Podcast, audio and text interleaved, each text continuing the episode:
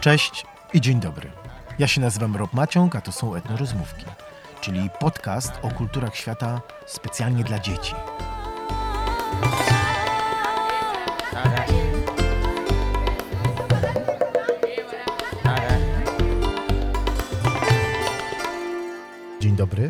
Witam wszystkich bardzo serdecznie. Jeżeli wszystko się uda, a wysłuchać od samego początku, to jest właśnie niedziela, godzina 11 rano. Przy czym mm, z moim gościem, z waszym gościem, nagrywamy to dzisiaj wcześniej i w ogóle nagrywamy w bardzo wyjątkowych warunkach.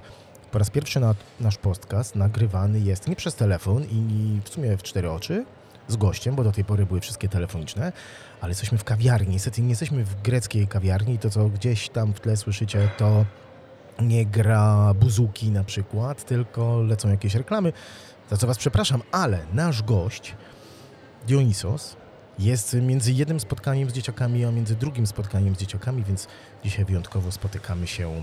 Jedziemy do Grecji. Jedziemy do Grecji, naprzeciwko mnie w ogóle fantastycznie, bo siedzi człowiek, który ma na sobie, e, no prawie jakbyś był ubrany dzisiaj w grecką flagę. Rozumiem, że to specjalnie. Specjalnie, tak. Dzień dobry.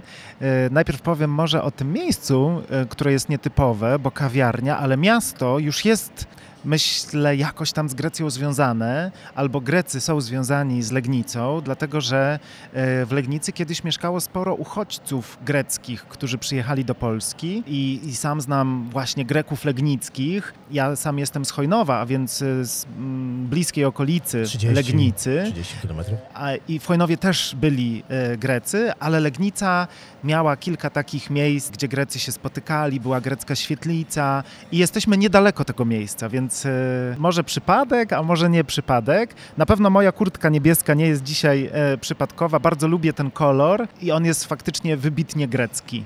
To skoro już zaczęliśmy od Twojej kurtki, w ogóle taka dygresja, jak ja byłem małym chłopcem, ja mieszkałem we Wrocławiu i oczywiście jak mama urządzała imieniny, bo tato chyba nie urządzał, to oczywiście, że byli goście z Grecji. To była oczywista oczywistość. Jak, y, pierwsi cudzoziemcy, jakich w życiu poznałem, nie Polacy, to był gdzieś 80 rok i to byli Grecy. Nie pamiętam jak mieli na imię nic, ale pamiętam, że byli Grecy, bo byłem zafascynowany. Jak we Wrocławiu? Przecież tu mieszkają tylko Polacy, a tu okazuje się troszeczkę inaczej. No, we Wrocławiu mieszkało bardzo dużo Greków z tej samej historii uchodźczej. Do Polski e, po II wojnie światowej i po greckiej wojnie domowej przyjechało bardzo dużo Greków, 14 tysięcy osób i e, oni zamieszkali początkowo właśnie na Dolnym Śląsku, w tych naszych okolicach, Legnica, Chojnów, Zgorzelec, a później rozjechali się po całej Polsce, więc takie greckie wyspy są w całej Polsce. I w Bieszczadach, taka malutka wioska Krościenko, to była wioska grecka, i w Warszawie, i na Pomorzu, i na Pomorzu Zachodnim, w Szczecinie, w Łodzi. Naprawdę wszędzie, wszędzie są Grecy i to jest też e, moja historia. Moi dziadkowie byli w tej grupie uchodźczej ze strony ojca i oni akurat przyjechali do Chojnowa. A ty wtedy, no to dobrze, no to zacznijmy w takim razie od ciebie. Skąd ty się w ogóle wziąłeś w tym Chojnowie? W Chojnowie mieszkała moja rodzina, moi dziadkowie, mój ojciec, moje ciotki ale w połowie lat 70. Grecja pozwoliła tym ludziom wrócić do siebie, do Grecji. I większość osób wtedy wyjeżdżała właśnie w tych latach 70., na początku 80. I mój ojciec z moją mamą, która była z Chojnowa e, i była Polką, e, postanowili wyjechać do Grecji. Ja się tam urodziłem w Salonikach, ale później wróciliśmy do Polski i właśnie do Chojnowa. I ja w Chojnowie mieszkałem bardzo długo, chodziłem tam do szkół, później trochę studiowałem w Grecji i zacząłem już jako dorosły człowiek e, wyjeżdżać do Grecji i Grecją się zajmować. Mówiłeś, że jest dużo takich małych greckich wysp rozsypanych po Polsce. Czy ich jest również 6 tysięcy?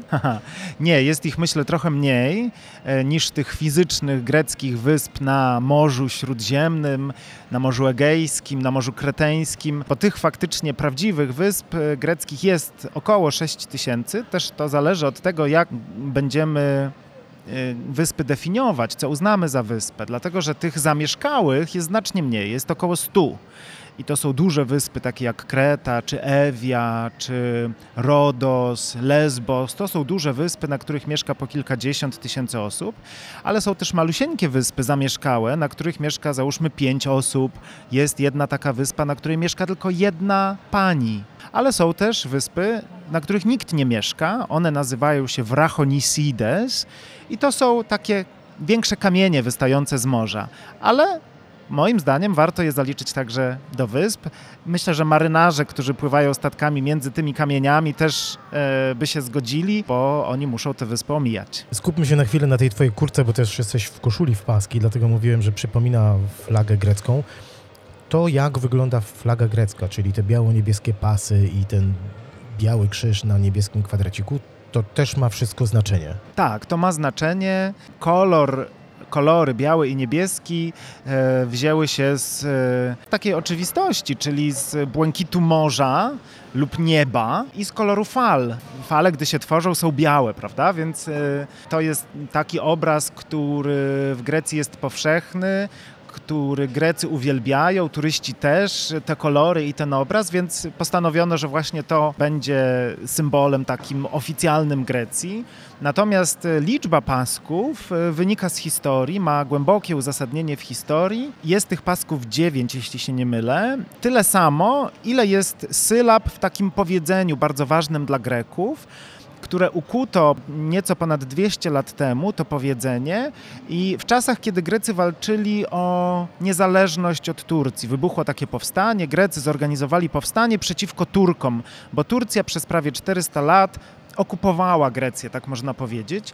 No i wtedy wszyscy ci powstańcy, wojownicy, żołnierze e, szli do walki z takim e, zawołaniem na ustach elefteria i thanatos, czyli wolność albo śmierć. Po grecku to jest właśnie dziewięć sylab, tyle ile pas, pasów na greckiej fladze. Bardzo mi się to podoba. Bardzo ma takie duże znaczenie. Słuchaj, Dionis, ja mam takie bardzo ważne pytanie. Ja myślę, że powinniśmy, bo nasi słuchacze to są na ogół dzieci w różnym wieku i myślę, że ty będziesz miał szansę wytłumaczyć, raz na zawsze załatwić pewną bardzo ważną sprawę. O co chodzi z tą sałatką grecką, o której co to jest? No, sałatka grecka to jest e, jedno z najpopularniejszych greckich dań. Ja polecam wszystkim e, grecką, wegetariańską kuchnię, e, bo ona jest fantastyczna i ta sałatka właśnie jest, zalicza się do tej kategorii, jest takim sztandarowym greckim daniem, którą uwielbiają Grecy i jedzą ją codziennie praktycznie do każdego dania, ale turyści, którzy przyjeżdżają do Grecji na wakacje też zakochali się E, w tej sałatce. Grecy na nią mówią trochę inaczej. Nie mówią grecka, tylko mówią choriatiki, czyli wiejska. Ona jest bardzo prosta w przygotowaniu, ma tylko kilka składników. Nazwa grecka mm, wzięła się stąd, że Grecy postanowili ułatwić turystom sprawę.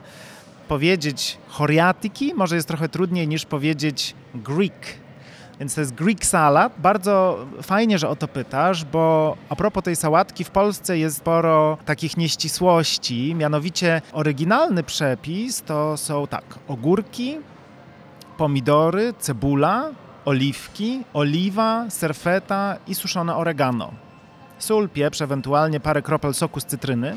Czasami na niektórych wyspach może tam możemy spotkać jeszcze kilka marynowanych kaparów. Natomiast w Grecji nigdy, ale to nigdy w tej sałatce nie będzie sałaty. Ani rukoli, ani szpinaku, ani żadnej innej sałaty. Więc jak w Polsce w jakiejś greckiej tawernie, których mamy sporo i które są bardzo sympatyczne i fajne, ale nawet tam czasem się zdarza ta sałata, to ja radzę, żeby poprosić kelnera o wymianę i żeby nam przyniósł prawdziwą grecką sałatkę, czyli bez sałaty. Sałata jest zdrowa i fajna i warto ją jeść, ale w innych wydaniach. Czyli chcesz powiedzieć, że nawet w greckiej tawernie już jakby Grecy przestawili się na polską wersję greckiej sałatki. Żeby się nikt tam nie oburzył, albo nie daj Boże na Google'ach im nie napisał złej recenzji.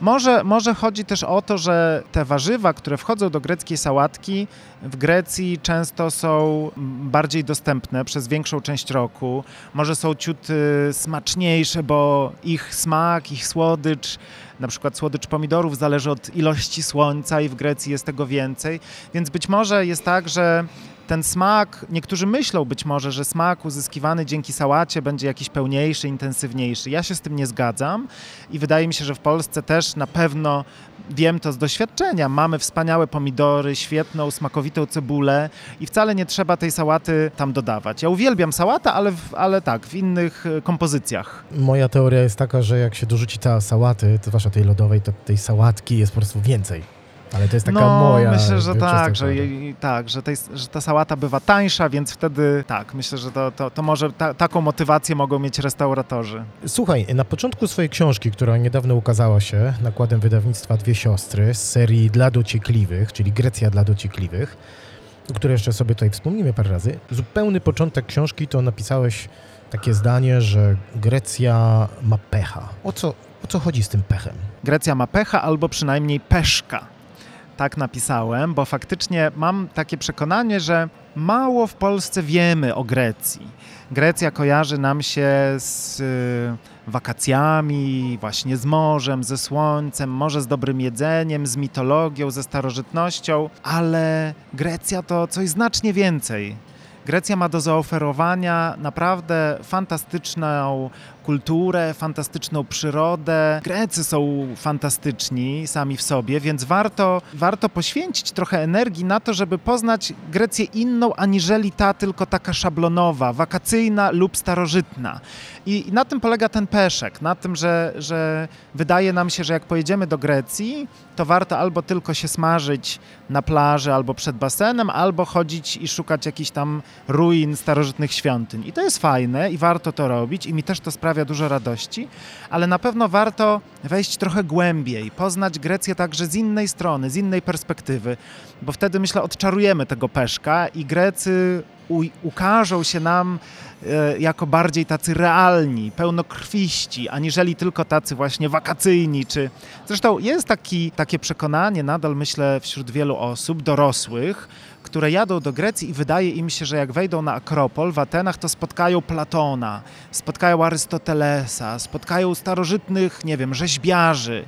Tymczasem tak naprawdę spotkają tam współczesnych Greków, Janisów, Manolisów i innych, którzy też dumni są z tej starożytnej Grecji, ale woleliby, żeby turyści, którzy przyjeżdżają, porozmawiali z nimi na przykład o ich współczesnych problemach, o, o ich współczesnych radościach, żebyśmy spojrzeli na Grecję, tę, którą mamy przed oczami, a nie tę dawną starożytną. No ja jak byłem raz w Atenach i byłem pod oczywiście zobaczyć Akropol i Stadion Olimpijski, to najwięcej osób, jakie spotkałem, to byli y, handlarze podrabianymi torebkami pod Akropolem. To jest jakby jeszcze inna historia, prawda? Samo centrum. No, myślę, że turyści są łatwym łupem dla takich handlarzy, którzy sprowadzają mnóstwo właśnie takich podrabianych okularów, torebek, ubrań gdzieś tam z, z Chin czy z innych krajów i sprzedają je za niewielkie pieniądze.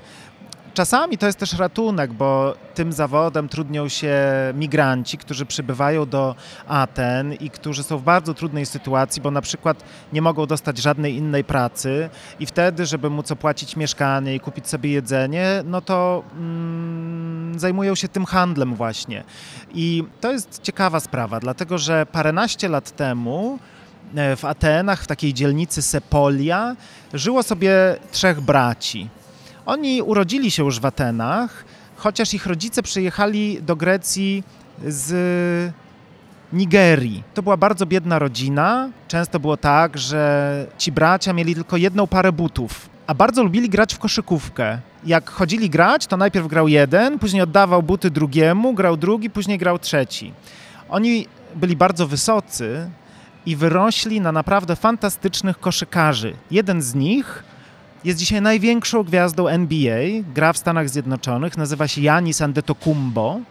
Jest Grekiem, chociaż ma nigeryjskie korzenie, jest czarnoskóry.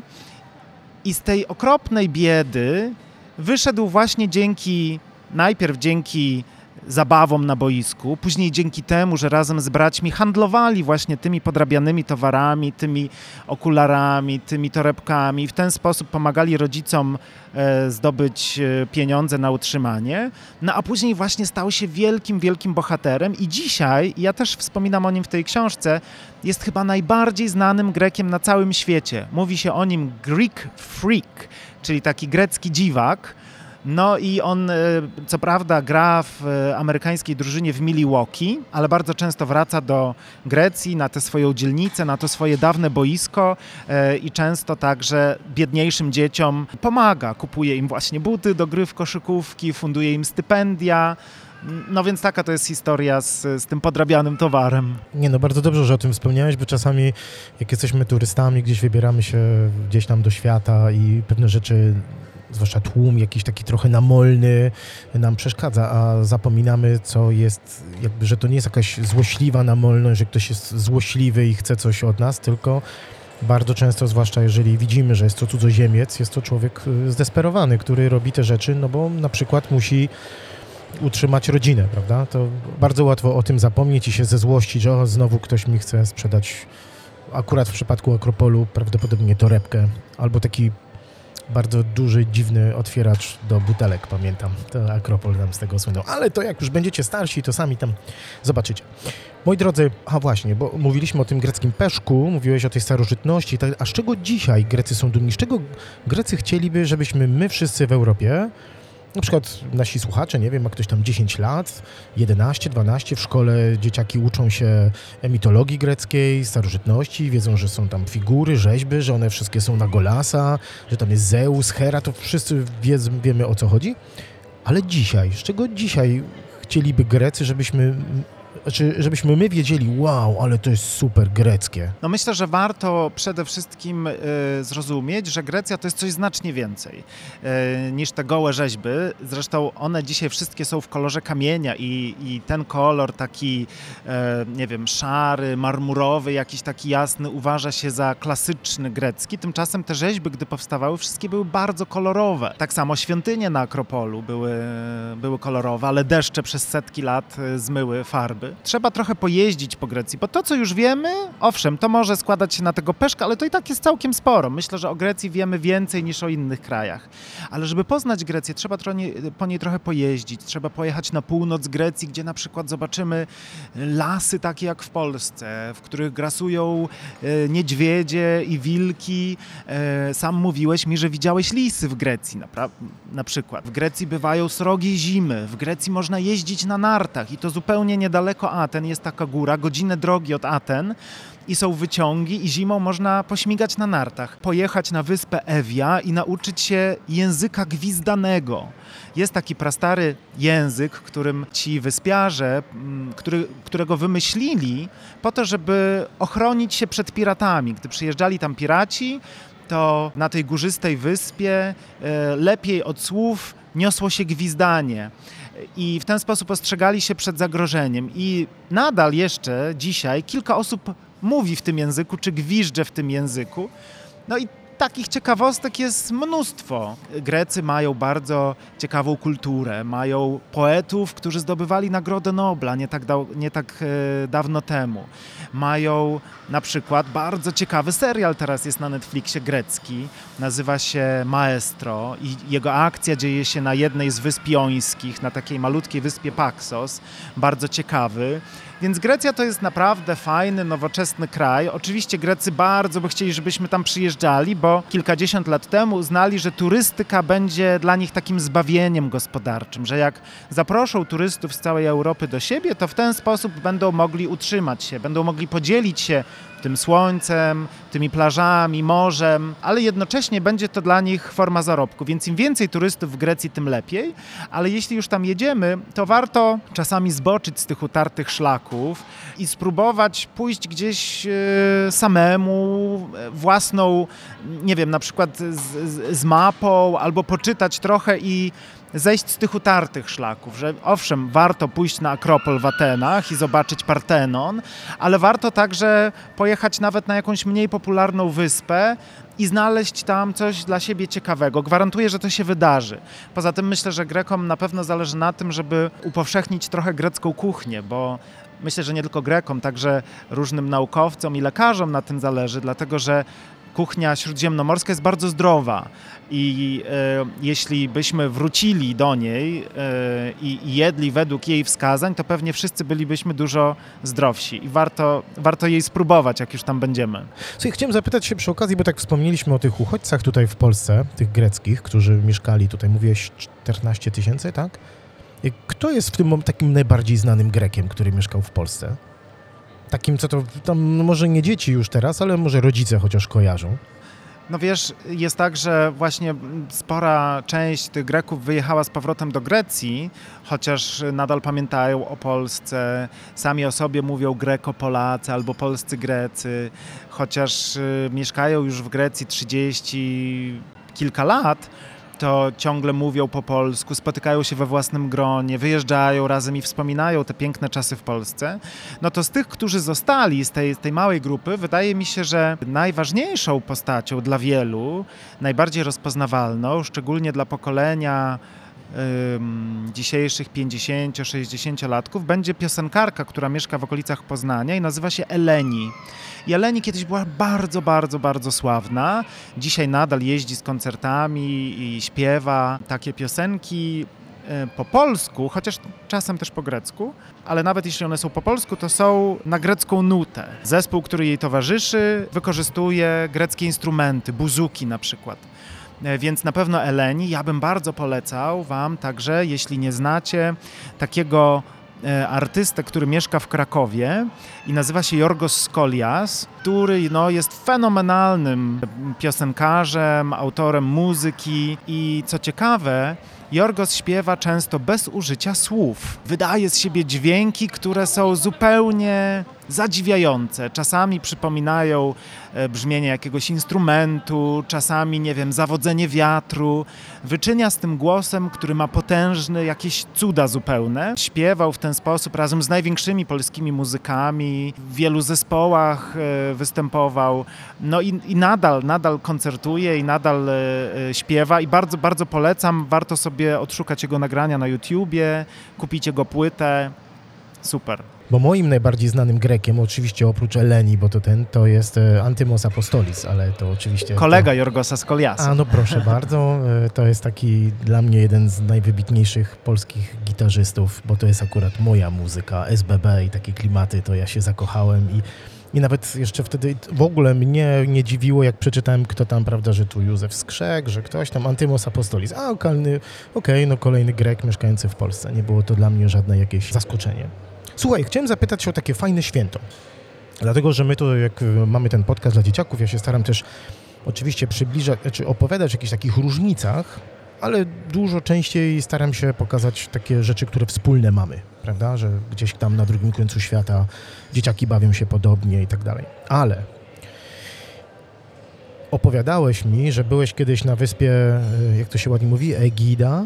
Egina. Egina i tam jest, ja chyba muszę tam pojechać, bo tam jest święto pistacji, tak? Egina to jest taka maleńka wyspa, y, niedaleko Aten, niedaleko Pireusu, więc często turyści pływają tam tylko na kilka godzin, bo podróż trwa jakąś godzinę, więc można popłynąć rano, pochodzić sobie po porcie głównym w Eginie, można wybrać się troszkę dalej, żeby zobaczyć świetnie zachowane ruiny świątyni bogini Afai. I to, ta świątynia znajduje się na wzgórzu, więc jeśli dzień jest bezchmurny, to widać, widać stamtąd także brzegi Attyki, czyli Ateny, Pireus, a, a naprawdę jak ma się szczęście, to widać i Akropol i jeszcze świątynię w Sunio na południe od Aten i to jest naprawdę przepiękny krajobraz, przepiękny widok.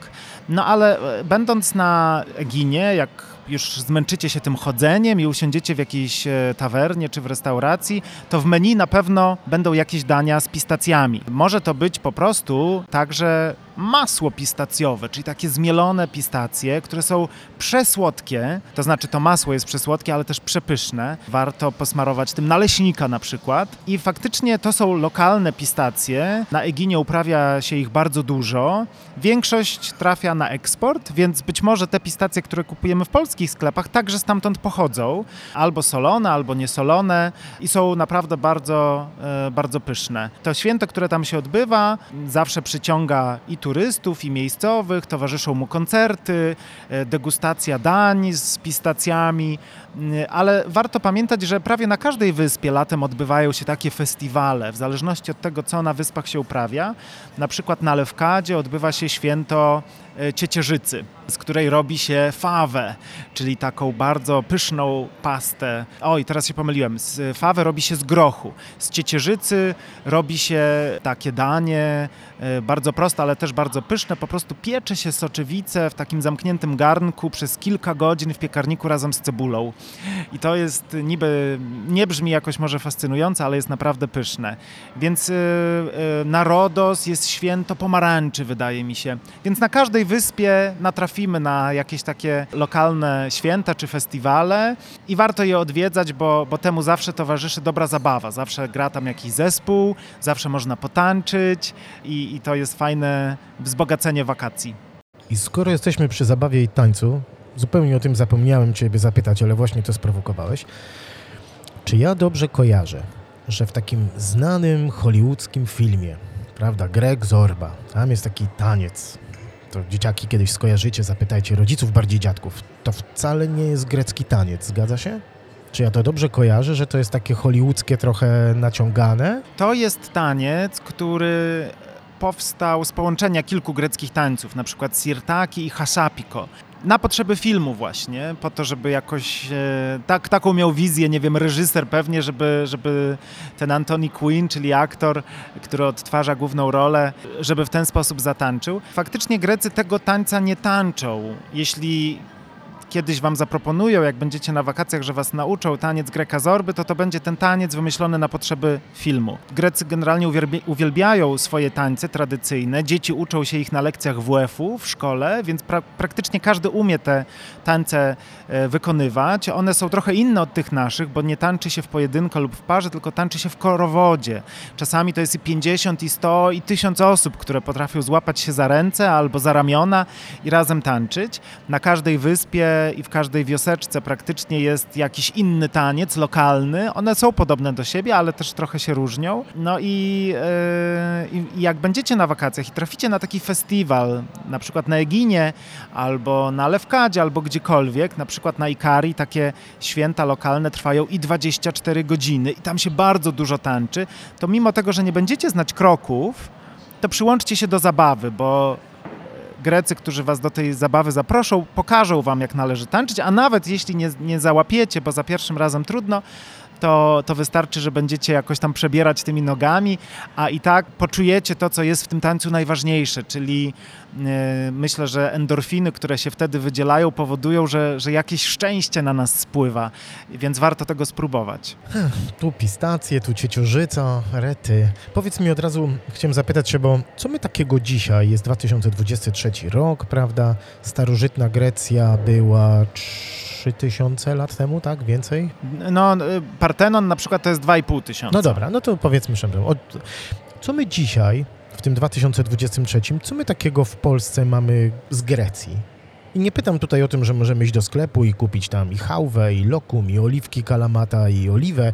Nie o tym mówię, tylko tak no kojarzy mi się mi najłatwiej jest to, że choćby układ polskich liter, prawda, A, B, C, D i tak dalej, nazywa się alfabet, czyli to mamy chociażby z greckiego, no, czy jak jest matematyka, y, później w starszych klasach, tam jak są dzieciaki, trzecia, czwarta klasa podstawówki, to nie, ale wylicza się deltę, jest liczba pi, mm, gdzieś tam z fizyki, takie gamma, te wszystkie litery.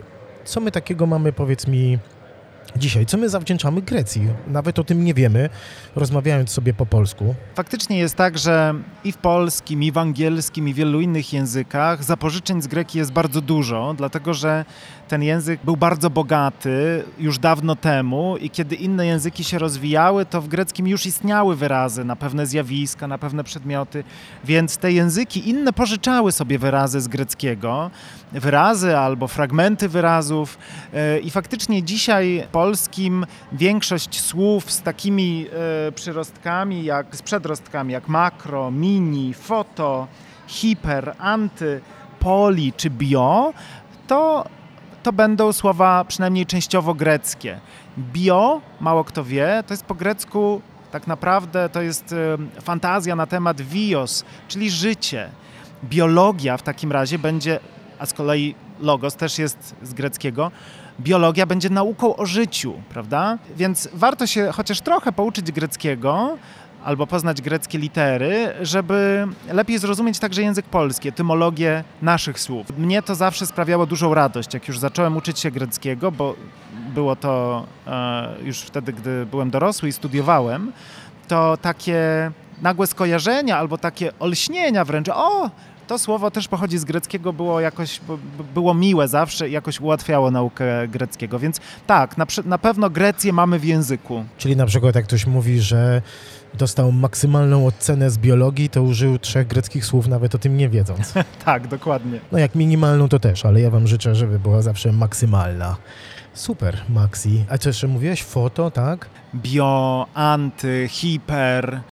Ja mam to y, szczęście, dzisiaj tak o tym myślę, bo jak byłem mały, to nie było dla mnie szczęście, że musiałem się uczyć języka rosyjskiego, no ale przez to, że czytam po rosyjsku, mówię po rosyjsku, łatwiej mi na przykład tam z językiem ukraińskim czy coś, no to jak byłem ten pierwszy raz w Grecji, w północnej Grecji, tam gdzie ty się właśnie urodziłeś, y, ten y, dobrze kojarzę, że ten region nazywa się Macedonią, tak? Tak. Tesaloniki. Ja w ogóle lubię Tesaloniki. Ja tam Saloniki to jakoś tak nie... E, sylaby mi brakuje. Musi Tesaloniki. I pamiętam szalony zjazd rowerem w dół nad same morze, bo przecież tam aby od północy góry wielkie są, więc tam pamiętam na rowerze zjeżdżaliśmy jak szaleni. To ja mam to szczęście, że jakby no umiem czytać po grecku, no bo też mam tyle lat i tam ta fizyka, prawda, te symbole matematyczne, symbole fizyczne, te wszystkie gamma, delta, beta i tak dalej.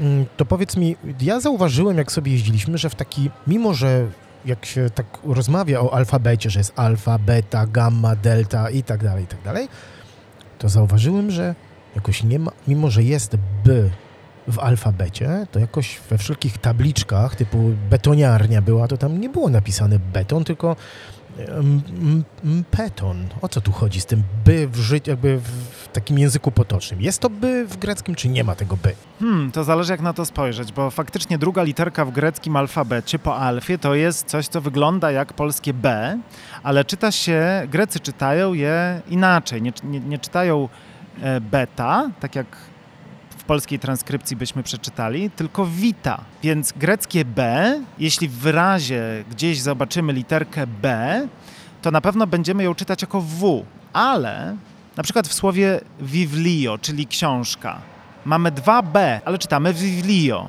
Natomiast oczywiście ten dźwięk literki B jest, bo są słowa takie, które tego wymagają. Na przykład greckie słowo tato to jest babas, ale żeby ten dźwięk uzyskać, B, trzeba postawić koło siebie dwie inne litery i Grecy tak się umówili, że my, po którym następuje pi, czyli my i p, czytamy jako B. Więc ten babas, czyli tato, ojciec, będziemy pisać tak my, p, a, my, p, a, s. Papas, teoretycznie, po polsku byśmy przeczytali, Grecy przeczytają babas. Albo na pewno słyszałeś, jak byłeś w Grecji, ktoś do ciebie powiedział brawo. Grecy bardzo często mówią brawo. Coś im się podoba, jak chcą komuś podziękować, jak coś ich zaskoczy i są tacy uradowani, to mówią brawo, brawo, brawo su, brawo dla ciebie. I wtedy też, te, też napiszemy to w taki sposób. My, py, ro, i tak dalej. A wydawało się to wszystko takie proste. Przy okazji powiedziałeś, że to jest biblioteka, tak? Powinno być, a nie biblioteka. Viβλio to jest książka, a biblioteka to jest bibliotheki. Proszę bardzo, czyli dalej, brniemy dalej, czyli jesteśmy w bibliotece i chcieliśmy pożyczyć jakąś... E, Maxi książkę, która ma dużo fotografii, a jest, o, a jest z biologii i cały czas mówimy po grecku. Dla mnie to fajne odkrycie. Powiedz mi tylko e, tak na szybko, czym się różni tawerna od restauracji? Bo tak używasz czasami naprzemiennie. Tawerna Nie po ma polsku? chyba takich czystych e, rozróżnień czy definicji. E, tawerna to jest takie miejsce, gdzie którego używają, tej nazwy używają też Grecy, ale używają też nazwy restauracja i to jest estratorio. Tawerna to jest takie miejsce, w którym zjemy na pewno bardziej lokalne, bardziej tradycyjne jedzenie. W restauracji już mogą pojawić się jakieś e, wynalazki e, albo przeszczepy kulinarne ze wschodu czy z zachodu. W restauracji na pewno bardziej wyszukane sałatki, może jakieś zupy. Zupy w tawernie raczej nie dostaniemy. W tawernie więcej będzie dań mięsnych, tradycyjnych. Aha, czyli jeżeli pojedziemy do Grecji i chcemy się skupić generalnie na greckiej kuchni, to chodzimy do tawerny, przez by, czyli będzie napisane taberna po naszemu. Piszemy przez W, ale czytamy tawerna. Aha, a, dobra, no to jeszcze inaczej. A, rozumiem. Ja, y, wiesz co, przez to, że w tej Grecji to byłem tylko dwa razy, ale w Persji byłem z 10 razy, ja wiem, że wy to tak grecka, tak star- historycznie Grecja i Persja to tak za bardzo się nie lubicie, co? Biliście Nie, myślę, często. że to były jakieś dawne dzieje, naprawdę sprzed tysięcy lat, kiedy Persowie najeżdżali em, greckie państwa, miasta i chcieli opanować i czasami im się to udawało, czasami nie. No ale myślę, że dzisiaj już e, tych, te, te żale się skończyły, bo to naprawdę dawne dzieje. Znaczy ja myślę, że Aleksander Macedoński tu załatwił sprawę. Pojechał do Persji, zrobił porządek i Persowie stwierdzili, dobra, to...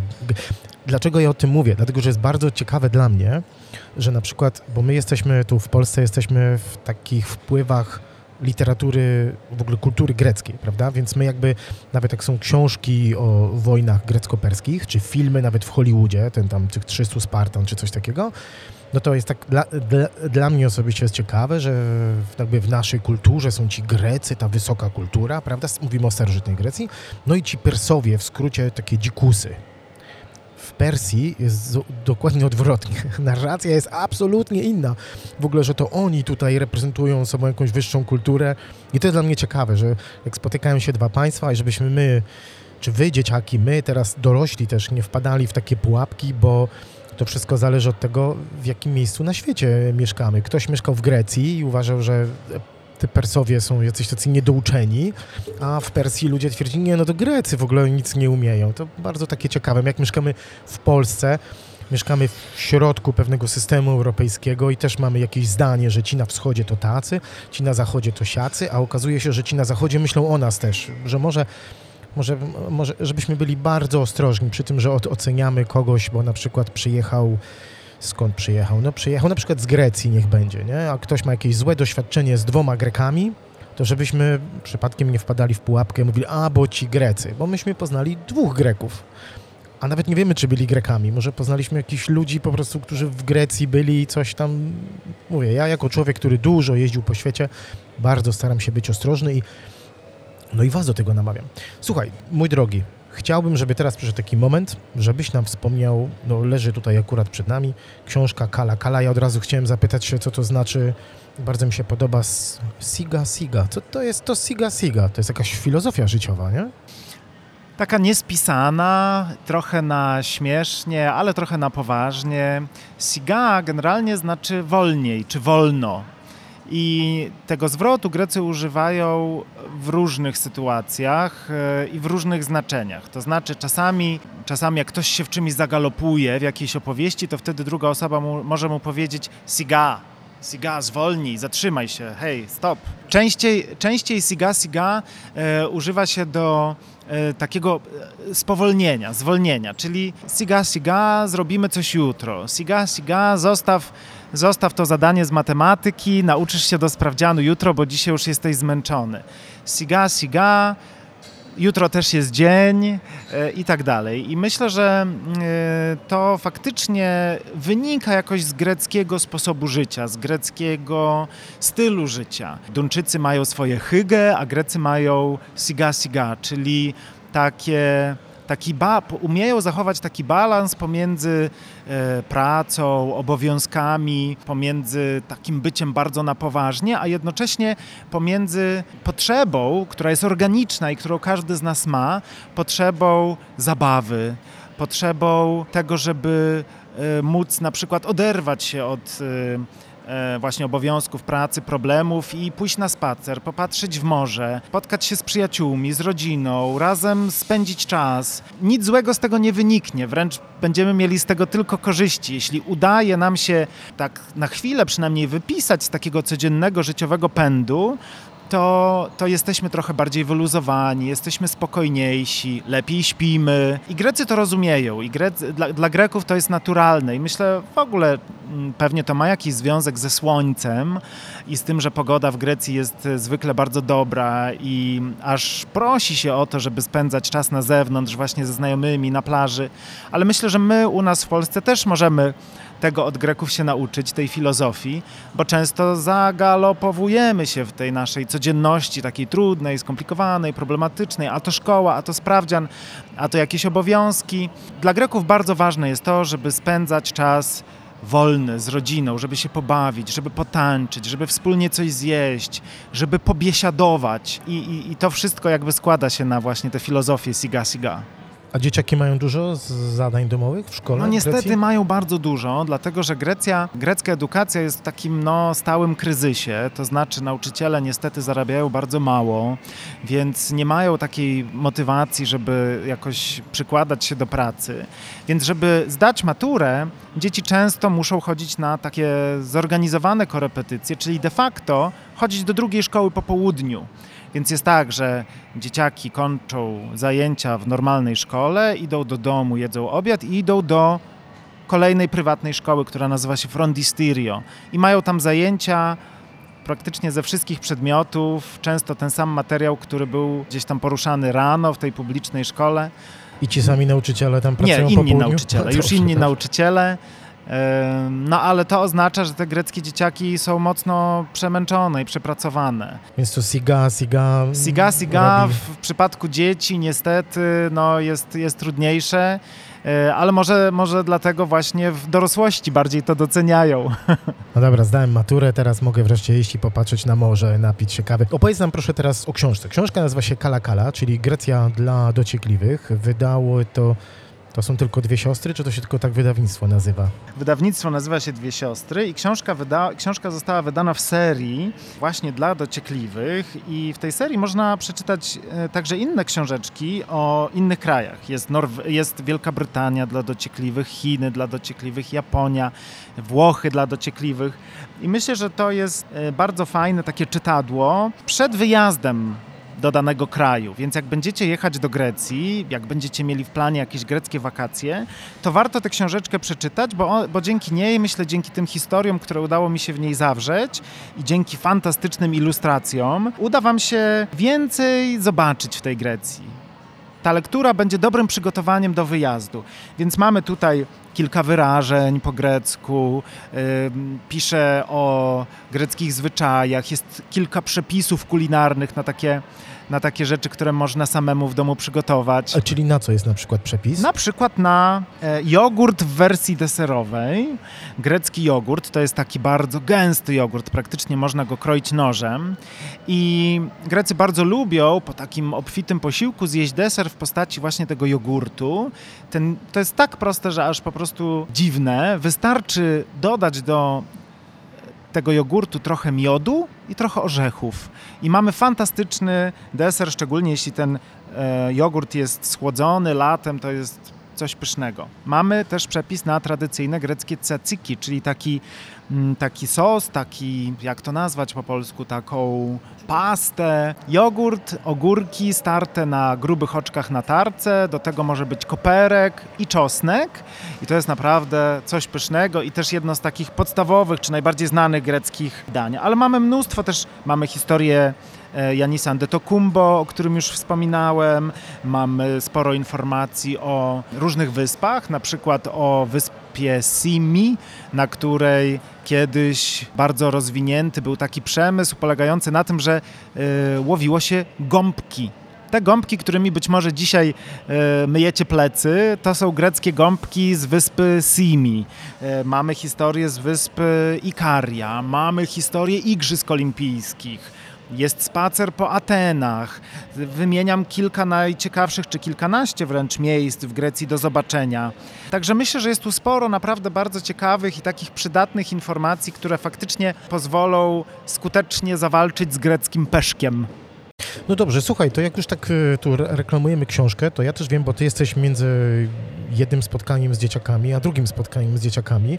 Gdyby ktoś chciał spotkać się z tobą i y, przeżyć takie spotkanie z Grecją, to jak to może zrobić? Gdzieś się musi zgłosić, stanąć tam, nie wiem, flagą grecką, machać aż zoba- albo spotkać jakiegoś Greka i przepraszam, słyszał pan tutaj o Dionisosie? Można spróbować, może to będzie Może. skuteczne. Ale najłatwiej będzie, jak to tak? Najłatwiej będzie, jeśli ktoś zjawi się na przykład w Warszawie, bo w piątek będziemy mieć spotkanie połączone z grą taką edukacyjną w Muzeum Narodowym.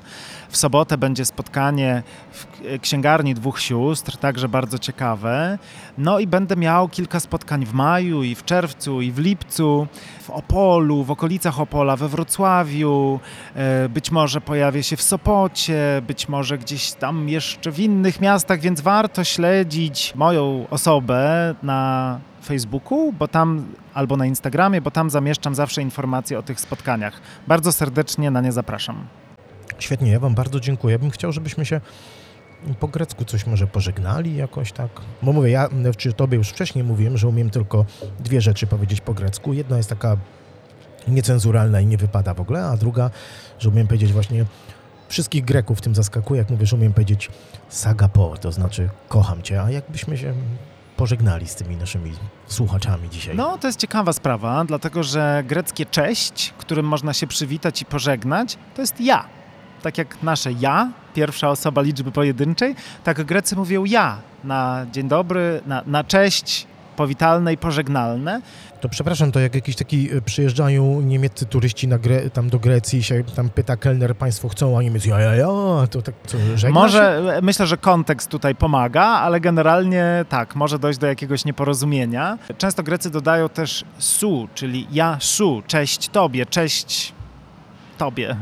Trudno to mm, przełożyć na polski. No i możemy powiedzieć też... e, nie ma w Grecji takiego do widzenia naszego klasycznego. Jest dzień dobry, jest dobranoc i tak dalej. Nie ma, nie ma do widzenia. A, bo oni nie chcą się już więcej spotykać. Oni nie, a może nie chcą się żegnać, Tak. wiesz? Może... A, ja myślałem, że wiesz, bo to jest, mm, ja się zawsze śmieję, że jak jesteś u dentysty, i mówisz mu do widzenia, to słabe jest, nie? Właśnie lepiej żegnam, obyśmy się więcej nie spotkali, ale mówisz, że oni się nie chcą żegnać, a to ładnie Ale brzmi. wiesz, z tymi pożegnaniami i e, przywitaniami to jest tak, że, że oprócz tego, że one spełniają taką funkcję właśnie przywitania się, one są też życzeniami. Życzymy komuś dobrego dnia, życzymy komuś dobrej nocy, życzymy komuś dobrego tygodnia i w polskim mamy mnóstwo tych życzeń. Od dzień dobry przez dobry wieczór, prawda? Ale Grecy mają tego znacznie, znacznie więcej, więc mimo, że nie mają do widzenia, to mówią na przykład, e, żegnając się, mówią kalisi nechia, czyli dobrej kontynuacji, żebyś to, co robił, żeby dobrze ci nadal szło. Kalisi nechia, to jest bardzo częste, częste pożegnanie właśnie, więc albo ja, albo kalisi nechia. No dobrze, moi drodzy, to były etnorozmówki. Ci, którzy są patronem podcastu, jest już tam parę osób, to dostaną w prezencie y, jako taką nagrodę, dostaną bardzo fajną planszówkę, o której właśnie Dionisos w ogóle nie wiedział, bo Tak. ona pewnie była z zupełnie innego regionu Grecji. Nazywa się Pentalfa, dostaną jeszcze parę takich malutkich zadań. Y, Opis tego, y, jak tu wspominaliśmy o książce, będzie w linku, będzie piosenka Eleni, y, będzie Antymos Apostolis, nie będzie, bo to może być dla Was za trudne, ale będzie jeszcze link do Jorgisa, tak? Jorgosa z Koliasa. Jorgosa z Koliasa. Ja się z Wami żegnam, ja jestem Rob Maciąg, to były etnorozmówki, czyli część etnowarsztaty.pl. To już nie pamiętam, chyba dziewiąty odcinek. Nie wiedziałem, że aż tyle tych odcinków się uda. Kiedy będzie dziesiąty, z kim będzie dziesiąty, to ja jeszcze nie wiem, bo to z Dionisosem dogadaliśmy się chyba przedwczoraj, że tak przelotem. Ja mieszkam niedaleko Legnicy, on przelotem. Bardzo Ci dziękuję. Nie wiem, jak jest dziękuję po grecku. Ja E, również dziękuję, czyli Efcharisto. Evcharisto. Bardzo mi się podoba ten język. A my teraz bierzemy wszystko siga, siga i y, jak to było, obyście mieli dalej taki fajny dzień, jak mieliście. Kalisi nechia. Cześć.